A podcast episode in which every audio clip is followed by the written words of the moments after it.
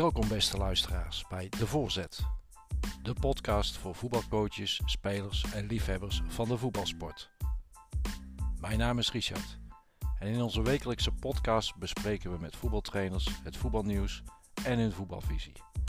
We geven een voorzet aan de hand van het nieuws, voetbalvisies of stellingen en vragen onze gast deze in te koppen.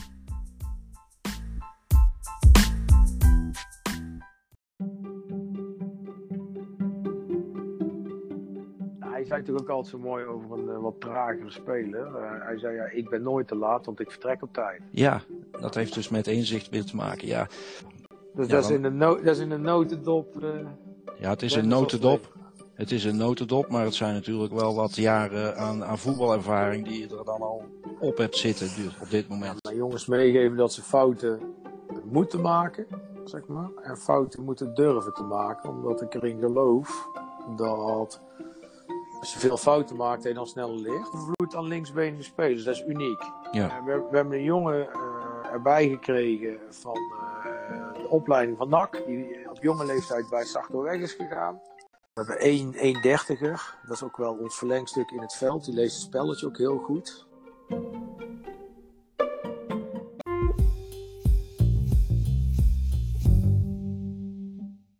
Vandaag geven we een voorzet op Dennis Dekkers, hoofdtrainer van eerste klasse RKSV Sarto uit Tilburg en trainer van FC Den Bosch onder 16.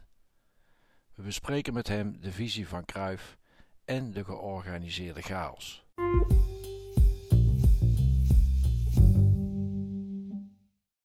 Welkom Dennis bij de voorzet. Ja, goeie, avond Richard. Goedenavond. We gaan eens kijken of we hem in kunnen koppen, die voorzet. Ja, zo is het. Kijk, kijk voor mij ben je natuurlijk geen onbekende. Eh, omdat we samen natuurlijk wekelijks uh, op het veld staan bij Sarto. Maar kun je ja. jezelf eens voorstellen aan onze luisteraars? Ja, dat kan ik zeker. Ik ben Dennis Dekkers, 48 jaar jong. Want zo voelt dat. Uh, in het dagelijks leven zelfstandig ondernemer in, uh, in vitaliteitsadvies. Ik woon in Waspik. Ik heb een lieve vriendin, die woont in Goes, dus we latten veel. Die heeft twee dochters. Mijn grote passie is voetballen. En in die hoedanigheid ben ik al uh, heel wat jaartjes trainer, zoals bijna iedereen. Uh, begon in het jeugdvoetbal. Oké. Okay. Vlijmse Boys, de jeugd gedaan, was mijn eigen club vroeger. Daarna de transfer naar de buurvereniging Haarsteeg gemaakt. Daar ook nog de B en de A junioren gedaan. Overstap naar OIC Rosmalen gemaakt en daar begon het echt serieus te worden. Dus daar heb ik uh, landelijk A-jeugd gedaan. Trainer van het tweede elftal. Uiteindelijk uh, zeven jaar trainer van het eerste geweest. In de hoofdklasse en gepromoveerd naar de derde divisie. Tenminste, tegenwoordig de derde divisie. Ja. Daarna Gamer, twee jaar. Ook een prachtige club in Brabant. Drie jaar best vooruit. Dit jaar voor het eerst bij Sarto. Mooie zondag eerste klasser in combinatie met mijn eerste jaar FC Den Bosch onder de 16. Zo. Dus ja, dat, is in de no dat is in de notendop. Uh, ja, het is een notendop. Het is een notendop, maar het zijn natuurlijk wel wat jaren aan, aan voetbalervaring die je er dan al op hebt zitten dus op dit moment. Ja, ja, ik ben nu 48 en ik ben op mijn 23 mijn eerste trainingsdiploma gaan halen. Dus gediplomeerd al 25 jaar. Ja. Dus dat en, zijn heel wat trainingsuurtjes. Ja, en als we dan kijken naar, naar al die uh, jaren die, uh, die als trainer uh, werkzaam bent geweest, hè, wat kun je dan zeggen over jouw manier van trainen? Wat ben jij van coach? Hoe, hoe, sta jij tussen de groep en in de groep en, en hoe ga jij om met zo'n ploeg?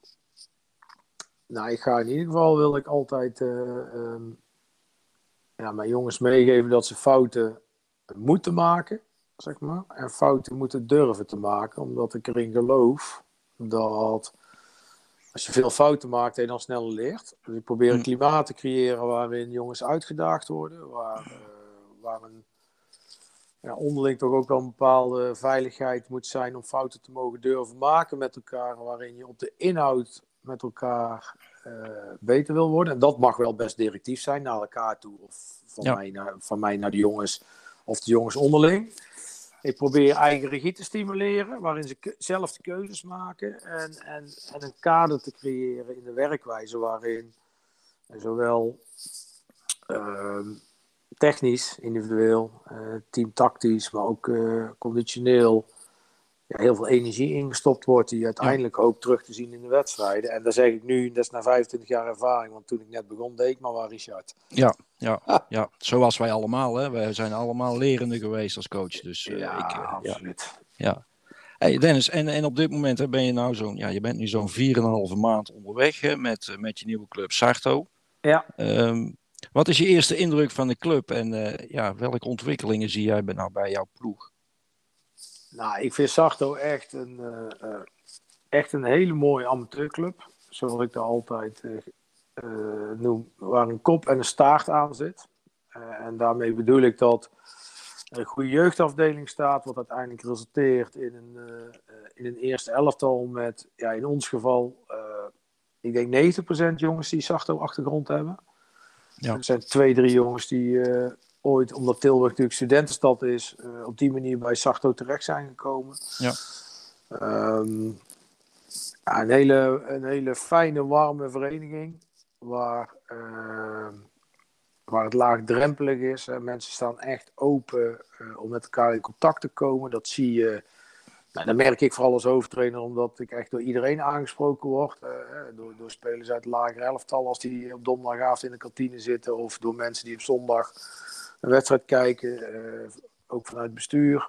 Ja. Eh, wat ik zie is dat, eh, en dat is wel echt fijn, de samenwerking tussen 1 en 2. Ja, die verloopt eigenlijk vanaf dag 1 geweldig. En dat is ook een dik compliment naar in ieder geval Timo, die er vorig jaar was, maar ook naar de vorige hoofdtrainer Max, zeg maar, Max Raven.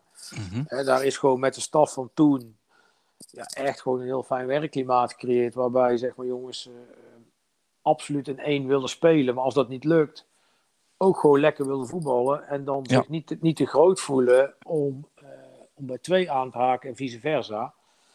Uh, en ook de samenwerking met de jeugd, in dit geval Conrad als uh, trainer van, van het hoogste junioren-elftal. Ja, die stimuleert ook gewoon om jongens door te laten stromen in hun ontwikkeling te zetten. Dus ik herken daarin heel veel van uh, de club OIC, waar destijds uh, die werkwijze ook zo was en ook bij Gemert. Weet je, dat zijn dan de wat grotere, gerenommeerde ja. amateurclubs. Ja. Maar in filosofie zie ik bij Sarto daar heel veel van terug. En dat, is, ja, dat maakt dat ik me als een vis in het water voel in zo'n korte ja. tijd. Ja, en, en, en, en als je dan kijkt naar, hè, dat is natuurlijk een heel belangrijk aspect, hè, randvoorwaarden voor een trainer en, en hoe je omgaat met, met bestuur, met, met, met supporters. Uh, trainerstaf, uh, jeugdafdeling. Uh, dat is natuurlijk ja, voor jou als, als trainer heel belangrijk. en dat, dat, dat, dat, dat vind je dan ook terug hè, bij die club.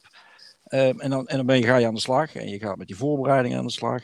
En je bent, ja, je bent helemaal nieuw. Mm-hmm. Je moet dat allemaal weer opnieuw ontdekken. Ook als een ervaren trainer krijgt weer een nieuwe groep. En, en je bent gestart in, eh, ik denk ergens in augustus, denk ik, dat je met de voorbereiding bent gestart. Of misschien wel eerder, juli, augustus, ergens rond die koers. Uh, dan kom je het veld op en, en, en uh, dan zijn je, ben je begonnen.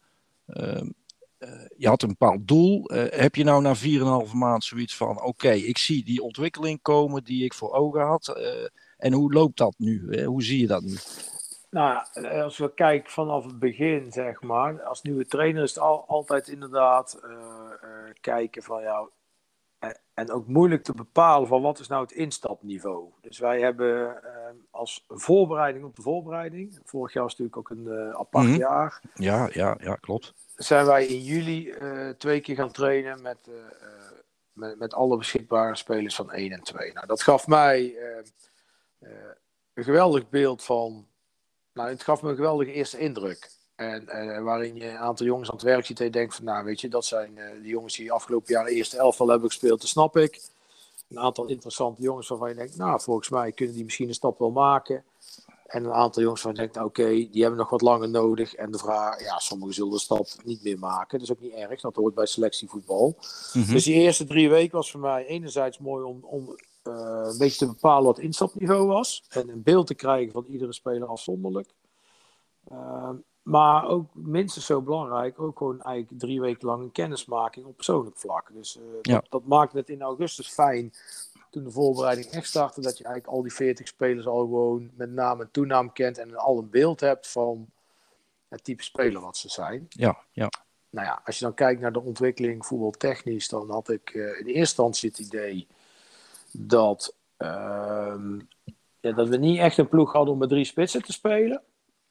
Omdat ik toch mhm. wel wat, wat echt authentieke buitenspelers mist. Hè? Dus jongens die met, met explosieve snelheid, met, uh, met een 1 tegen 1 actie, et cetera.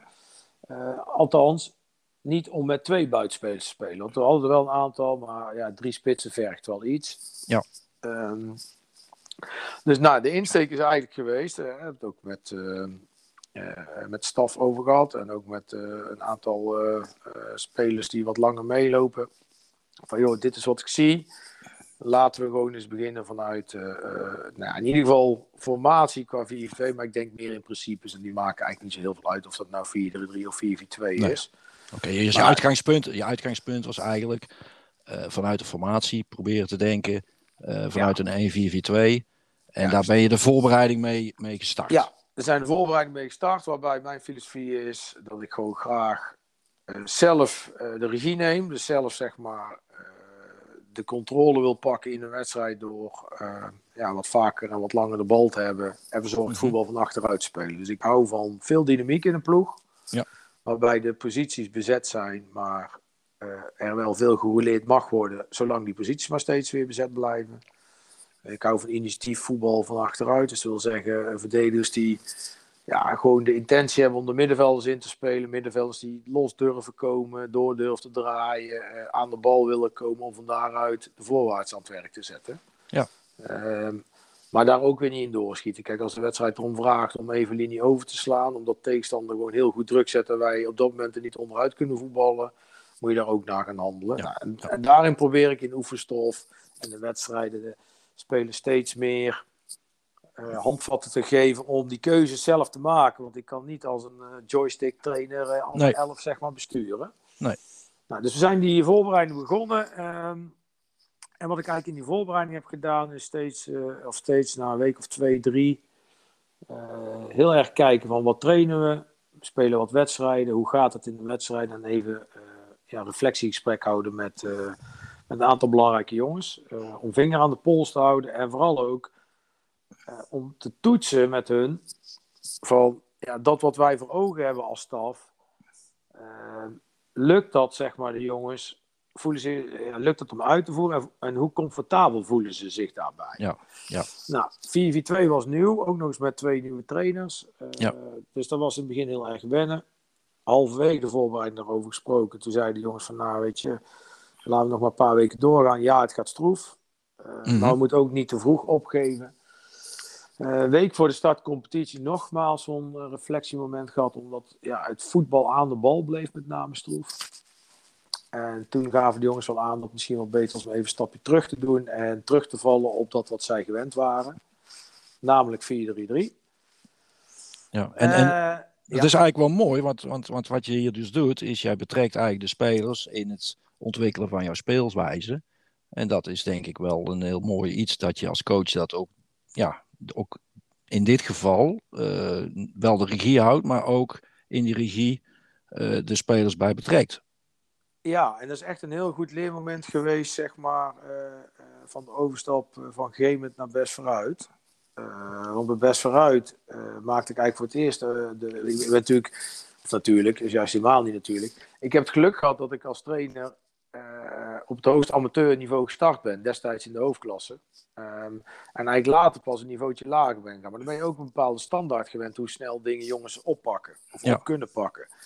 Nou, toen ik dus zeg maar van een gegeven moment naar best ging, dus van de hoofdklasse naar de eerste klasse voor het eerst, had ik daar een bepaald beeld bij wat instapniveau zou moeten zijn. En, en keek ik heel erg naar wat voor vlees heb ik in de kuip, eh, wat voor speelwijze, zoals destijds ook. Leek mij 4-4-2 beter dan 4-3-3. En toen ging ik pas in oktober in de eerste evaluatieronde met spelers in gesprek. En die zeiden toen van ja, luister, we snappen waar je naartoe wil, maar voor ons, we hebben dit in de jeugd nooit gehad. We zijn opgeleid Ja, in 4-3-3. Dat geeft ons de meeste houvast. Dus wij denken dat we van daaruit beter kunnen gaan presteren. Dus toen ben ik meteen naar die gesprekken met, met best vooruit 4-3-3 gaan spelen. En toen ging het ook draaien om vervolgens later in het seizoen, ehm, toen het toen het nodig was, kon ik ook de switch maken naar 4-4-2 als de wedstrijd daarom vroeg. Want je Ja. had zoveel meer vertrouwen gecreëerd. Ja, ja, ja, ja. Ja. Dus ja, dat is natuurlijk mijn leermoment geweest. Waardoor ik nu dacht van, hé, eh, nu ga ik naar een andere eerste klasser. Ik moet niet dezelfde, of ik wil niet dezelfde fout maken. Dus ik Ja. blijf nu wat korter op de bal zitten. Ja. Eh, dus hebben we dat einde voorbereiding met elkaar besloten. En zijn we het seizoen ingegaan. En, en zijn we nu gewoon bezig om die speelwijze in 4-3 eh, te verbeteren. Maar kunnen we ook als de situatie dat vraagt. eh, eh, omdat we natuurlijk heel die voorbereiding ook 4-2 hebben gespeeld. Kunnen we incidenteel gewoon terugschakelen. En je Ja. ziet daardoor dat we. Dan heb je het over ontwikkeling. Doordat die jongens dit gewend zijn. Kunnen we toch wel onze accenten gaan zetten. En wat er dan gaandeweg. Nou ja, we zijn nu eh 4,5 maand onderweg. Ja. Ontstaat is dat je. Dat soms ook, en dat, daar herken je denk ik ook, eh, Richard Ja, soms ontstaan dingen ook gewoon eh naar gelang de situatie, dus per toeval. Weet je, je Ja. hebt een beeld op een gegeven moment van hey, deze spelers zijn misschien de beste elf, maar er valt er eens onverwacht eentje weg. Dan moet je eens een keer gaan kijken wie dat in kan vullen. En in één keer zijn jongens complementair aan elkaar. Dan valt En- het in elkaar. en kun je daar een voorbeeld van geven? Kun, kun je daar een specifiek voorbeeld van geven? Want je Ja, wel dit. twee. Ik denk, ik denk eigenlijk twee. Kijk, we- eh, eh, als je kijkt naar Sarto 1, daar hebben we echt een overvloed aan linksbenige spelers. Dat is uniek. Ja. Eh, we, we hebben een jongen erbij gekregen van de opleiding van NAC, die op jonge leeftijd bij Sarto weg is gegaan. Linksbenig speler, ehm, bij NAC opgeleid als linkervleugelverdediger. Dus ja, die jongen komt bij ons binnen. Dus wij gaan hem in eerste instantie gebruiken als linkervleugelverdediger. Maar zien eigenlijk ook al vrij snel in de voorbereiding dat dat zonde is van zijn kwaliteiten. Maar ook voor ons als ploeg. Want het is een, het is een jongen met, met een goed linkerbeen, met goed overzicht. Eigenlijk een echte BVO-jongen. Die gewoon Ja. goed opgeleid is. Dus die Ja. gewoon net één stap verder vooruit kan denken. Alleen ik speel ook graag in mijn voetbalvisie met in ieder geval een linksbenige eh, verdediger op de linkervleugel. Ja. En het liefst eigenlijk ook een link, linker centrale verdediger. Nou, weet je, maar we hadden er eigenlijk maar twee. Eh de linker centrale verdediger en de linker vleugelverdediger. Totdat er dan in de voorbereiding echt letterlijk, dat is voordeel van een studentenstad, een jongen in Tilburg komt wonen en zich aanmeldt bij ons en laat hij nou linker vleugelverdediger of linker middenvelder kunnen spelen. Ja. Nou, dus En dan ook nog, en dan even, en dan, hè, want je zegt er komt, die komt in Tilburg wonen, komt studeren, meldt zich aan bij de club, maar moet dan natuurlijk ook nog het niveau hebben om dat aan te kunnen. Juist, nou ja, goed. We hebben hem eerst een weekje mee laten trainen. Toen zagen we al vrij snel dat hij goed niveau had. En vervolgens zijn we eigenlijk gaan kijken van, hey, als we hem nou eens op gaan trainen totdat hij conditioneel fit is, dan kunnen we waarschijnlijk met hem naar de linkervleugel waardoor we eh, eh, die andere jongen die van NAC afkomt, ja, die kunnen we dan naar, naar de linker Ja. linksbuitenpositie gaan manoeuvreren, omdat we wel zagen dat hij op trainingen een goede actie had, scorend vermogen. Nou, dus dat heeft een aantal weken geduurd. En in wedstrijd 4 hebben we die switch kunnen maken. Dus dat is één voorbeeld. Ja. Ja, een ander voorbeeld is dat eigenlijk eh, de, de centrumspits op dat moment in de tweede wedstrijd geblesseerd raakt. En we op dat moment een andere jongen die eigenlijk de afgelopen jaren vaak aan de, op de flank is gebruikt. Waarvan ik eigenlijk dacht van ja, hij heeft niet de eigenschappen van de vleugelspeler. Want daarvoor Mhm, mist hij mhm. de startsnelheid, de individuele actie. Ja. Maar hij is ontzettend lang. Hij heeft een neusje voor de goal. Dus volgens mij kunnen we met hem veel beter in de punt gaan spelen. Ja. Ja, die jongen is daar door de bestuur van de andere spits op dat moment eh, gaan spelen. Ja, die loopt één op één. Dus dat zijn Ja. eigenlijk twee voorbeelden waar je dus Ja. heel erg gaat kijken van oké, ik, ik begin met het oude, wat ze gewend zijn. En dan kijk je met je eigen visie naar een ploeg. En, en ja, je kijkt ook met andere ogen naar spelers. Ja, en dat pakt dan eh, in deze twee gevallen eh, over het algemeen goed uit. Want zowel ja, beide spelers eh, hebben evenveel goals gemaakt en behoren tot de topscorers. Dus dat is wel echt een praktisch voorbeeld hoe dat is. eh, Ja, is wel mooi. Dat is mooi om te horen. Ja, eigenlijk, eigenlijk wat je zegt, hè, want soms moet je ook een klein beetje geluk hebben. Maar, Ja. maar geluk eh, is niet iets wat, wat, wat je overkomt. Hè, maar soms moet je daar ook iets mee doen. Dus in dit geval eh, eh, had je eigenlijk al wel een beeld van, van bepaalde spelers waar ze op welke positie ze konden spelen. En, en, en vanuit de visie.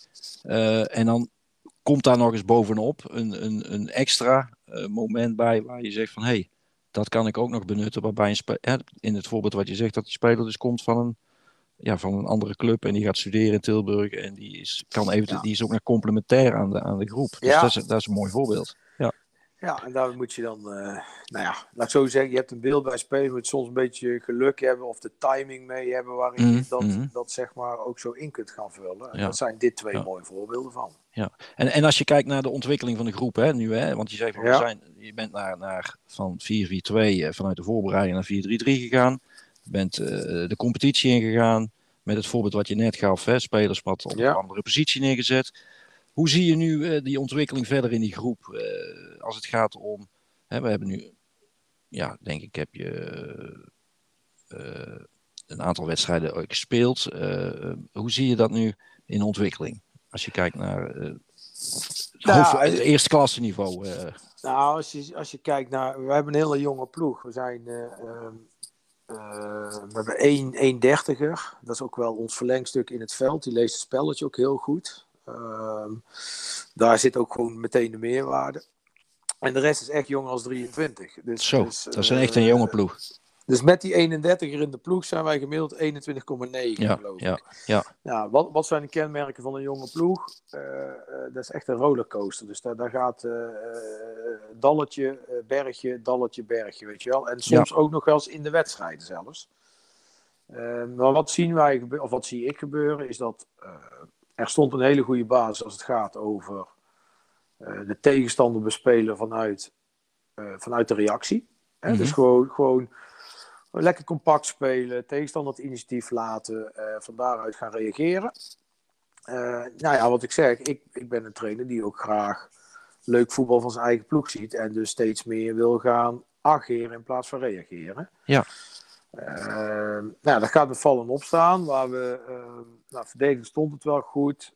Uh, afwisselend zakken we wat in, geven wat druk. Eh, maar geven daar een weinig weg. Zeker vanuit open spel hebben we eh, op de wedstrijd tegen, vorige week tegen het Zand. Die maakte echt vier hele goede goals. Of drie. Mm eentje mhm. was misschien vroeg in de wedstrijd dat zelf niet goed deed. Maar die maakte echt drie goed uitspeelde goals. Maar vanuit open spel geven wij niet zoveel kansen weg. Dus daar ben ik eigenlijk al vanaf het begin van het seizoen. Dat is wel lekker als trainer dat je weet dat je verdedigend. Wel, dat het goed staat. Dat, dat het, het goed, staat. Ja. Waarbij we wel zagen dat we wel heel erg de neiging hebben om het pas in de laatste lijn op te lossen. Hè? Dus wel in blok te komen, maar te veel achteruit te blijven lopen in plaats van uh, druk op de bal te genereren op het moment dat de tegenstander bij ons op de helft is. Dus dat was een beetje zoeken. Um, hebben we uiteindelijk ook in de laatste fase van, uh, van de laatste weken steeds meer gezegd: joh, we gaan gewoon eens wat sneller druk zetten. Uh, want we hebben jongens die ook achterin gewoon de 1 mm op 1 kunnen spelen met ruimte in de rug. Dus ja. laten we maar eens gewoon wat hoger druk zetten. Ja, dat, dat, gaat, uh, dat ging de laatste wedstrijd ging dat goed. Tegen het Zand wilde het ook doen, alleen ja. ja. deden we het niet zo goed. Ja, want je hebt de laatste wedstrijd tegen Unitas gespeeld tegen Dosco, de laatste wedstrijd. Oké, okay, Dosco, ja. ja. Ja, en daarin voerde het gewoon echt heel goed uit. En daarvoor tegen het Zand was de intentie er wel. Want ja, de eerste helft wilden we druk zetten, maar liep eigenlijk meer achteruit. En de tweede helft hebben we dat wel gedaan. En toen hebben we eigenlijk ook een hele goede tweede helft gespeeld. Waarbij het ja. Zand gewoon op de juiste moment scoort. Maar dat was wel ja. voetbaltechnisch echt gewoon een prima uh, tweede helft. Ja. Dus ja ja, vallen en opstaan. En waarbij je steeds zeg maar, reflecteert van hey, wat gebeurt er in de wedstrijd. En de rust aangeeft van hey, dit gaat goed, dat moeten we uh, vasthouden. Of, ja. et cetera. En ik zie aan de bal dat we steeds comfortabeler worden. Dus waar we in het begin van het jaar uh, onder volle druk eigenlijk veel te snel de bal maar gewoon lang naar voren uh, speelden. Mm -hmm. Door de lucht durven we nou steeds vaker ook gewoon de voetballende oplossing over de grond te zoeken. Gaat ja. nog lang niet altijd goed, maar als de intentie er is, ga je daar ook steeds betere keuzes in maken. Ja, ja, ja. Ja, en dat, zag, dat, dat, dat, was zowel tegen het Zandvoort koplopen was, maar ook afgelopen zondag tegen Dosco. Ik denk dat afgelopen zondag tegen Dosco van de 90 minuten gewoon 75 minuten het spel bepaald hebben. Ja. Nou, dan zijn we pas vier maanden onderweg. Dat, ja. vind, ik, dat vind ik wel. Ja, dus je ziet, je ziet een goede ontwikkeling, jonge ploeg, uh, potentie in de ploeg. Uh, bij een club die eigenlijk uh, ja, vanuit, vanuit de traditie met, met, met eigen spelers die vanuit de jeugdopleiding komen wil, wil spelen. Mm -hmm. dat is natuurlijk in eerste klas ook niet altijd zo. Hè? Je ziet dat vaak dat op wat hoger niveau ploegen niet altijd met ja, bijna 90, nee, 98% eigen jeugd speelt. Dus dat is, dat is voor jou wel, wel mooi. Um, Dennis, even ehm, als ik kijk naar ehm, voetbal in het algemeen. Hè? Eh, Ja. We hebben het nu even gehad over, over, over Dennis en, eh, en, en wat zijn eh, ja, eh, dingen zijn. eh, de, de, de, de carrière is geweest tot nu toe. We hebben het over Sarto gehad. Als we nou kijken naar, ehm, naar visie hè, van voetbal. Ik heb, ehm, we gaan zo meteen samen even naar een fragment luisteren. Ja, Eh. Van een van de, ik denk wel, de, de, de, als speler werd hij eh, wel eens de, de Pythagoras op voetbalschoenen genoemd. Eh, ja, zo, hè? Dus Ja. de- iemand met, met, die van, ja, gewoon met ruimtelijk inzicht. Hè? We gaan zo meteen even naar een fragment luisteren van Johan Cruijff. Dat gaat over het Europees voetbal in 2008. Oké. Ehm, en dat is een voorloper op de, de wedstrijd Nederland-Italië. En eh, ja, een aantal dingen. hè. Van Persie is in die wedstrijd eh, niet inzetbaar, want hij is niet fit. En Arjen Robben miste ook die eh, wedstrijd, omdat hij tijdens de training eh, een verrekking had opgelopen in zijn linkerlies. Dus we gaan even naar dat fragment luisteren en dan gaan we daar zo meteen even op, eh, op doorpraten. Heel goed.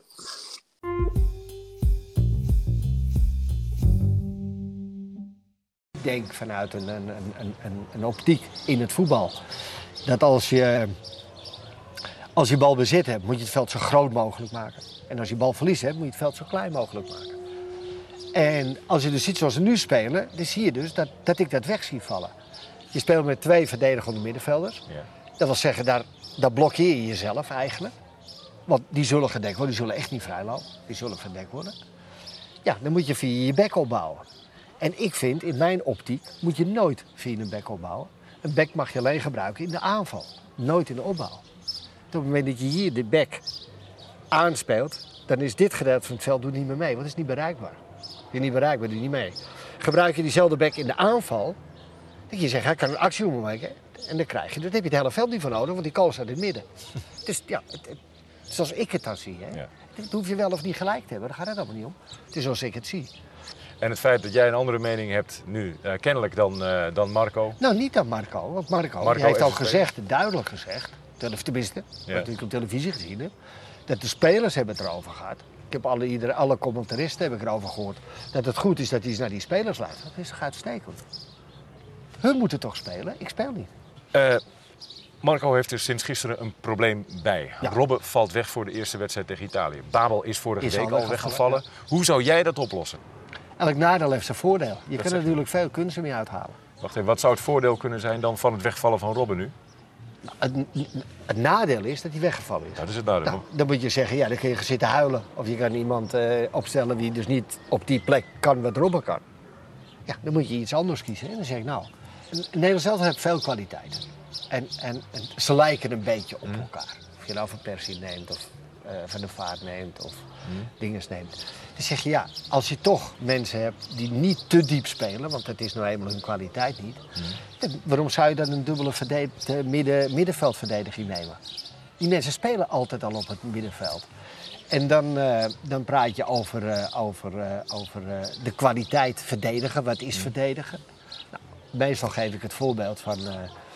bij Barcelona hebben we de Europa Cup gewonnen en, drie, eh, en, en vier keer een kampioenschap. Ja. Met Guardiola en Koeman. Nou, als er toch twee voorbeelden zijn, dat als je individueel ziet wie niet kunnen verdedigen, zijn het die twee. Maar ze hebben wel in het hart gespeeld. Dus wat is verdedigen? Verdedigen is een kwestie van hoeveel ruimte moet ik verdedigen? Als ik die hele tuin moet verdedigen, ben ik de slechtste. Als ik dit stukje moet verdedigen, ben ik de beste. Even terug naar de vraag. Alles hoe- heeft te maken met meters, meer niet.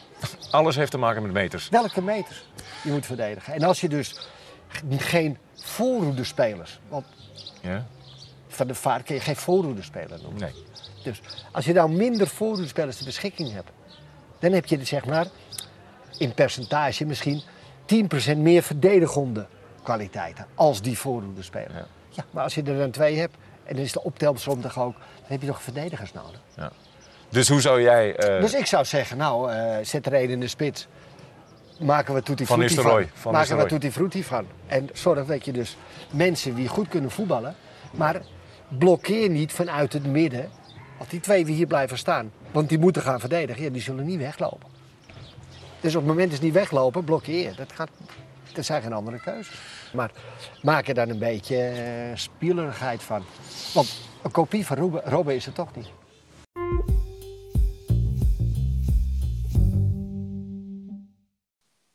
Zo, dat is toch altijd weer mooi als je, als je Johan weer hoort praten. Hè? Het is onnavolgbaar hoe hij praat en wat hij zegt.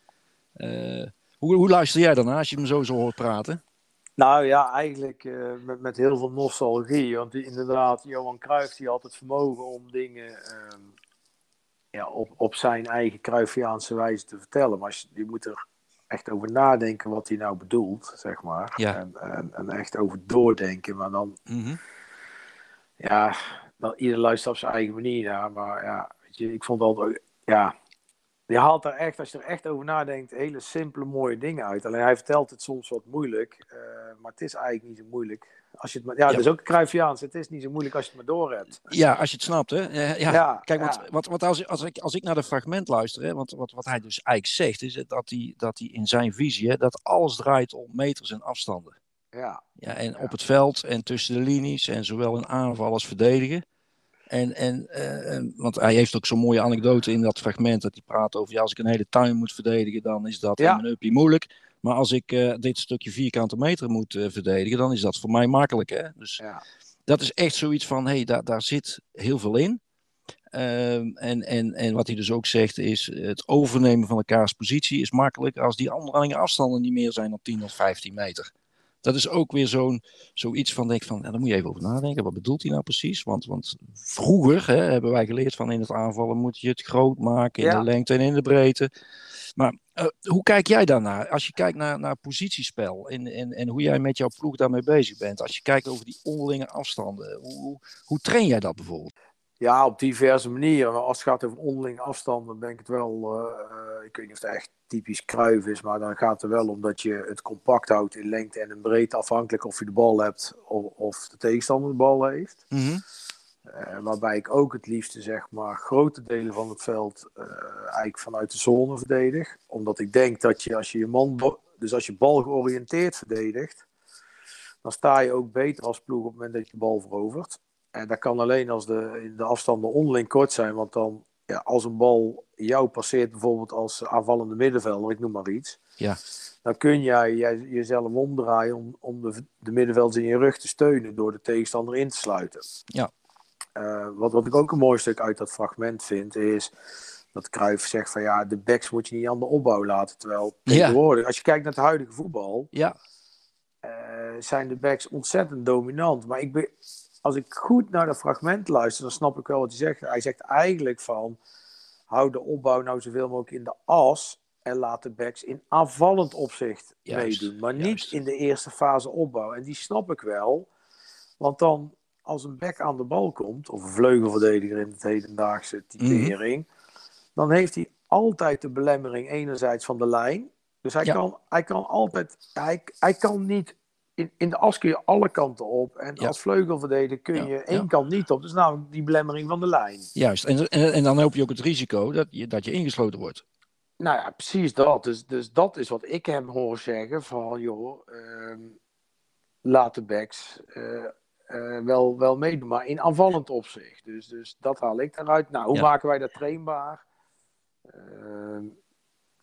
Ja, weet je, eh, heel veel positiespel als het gaat om het spel aan de bal, eh, met positiewisselingen. Ja.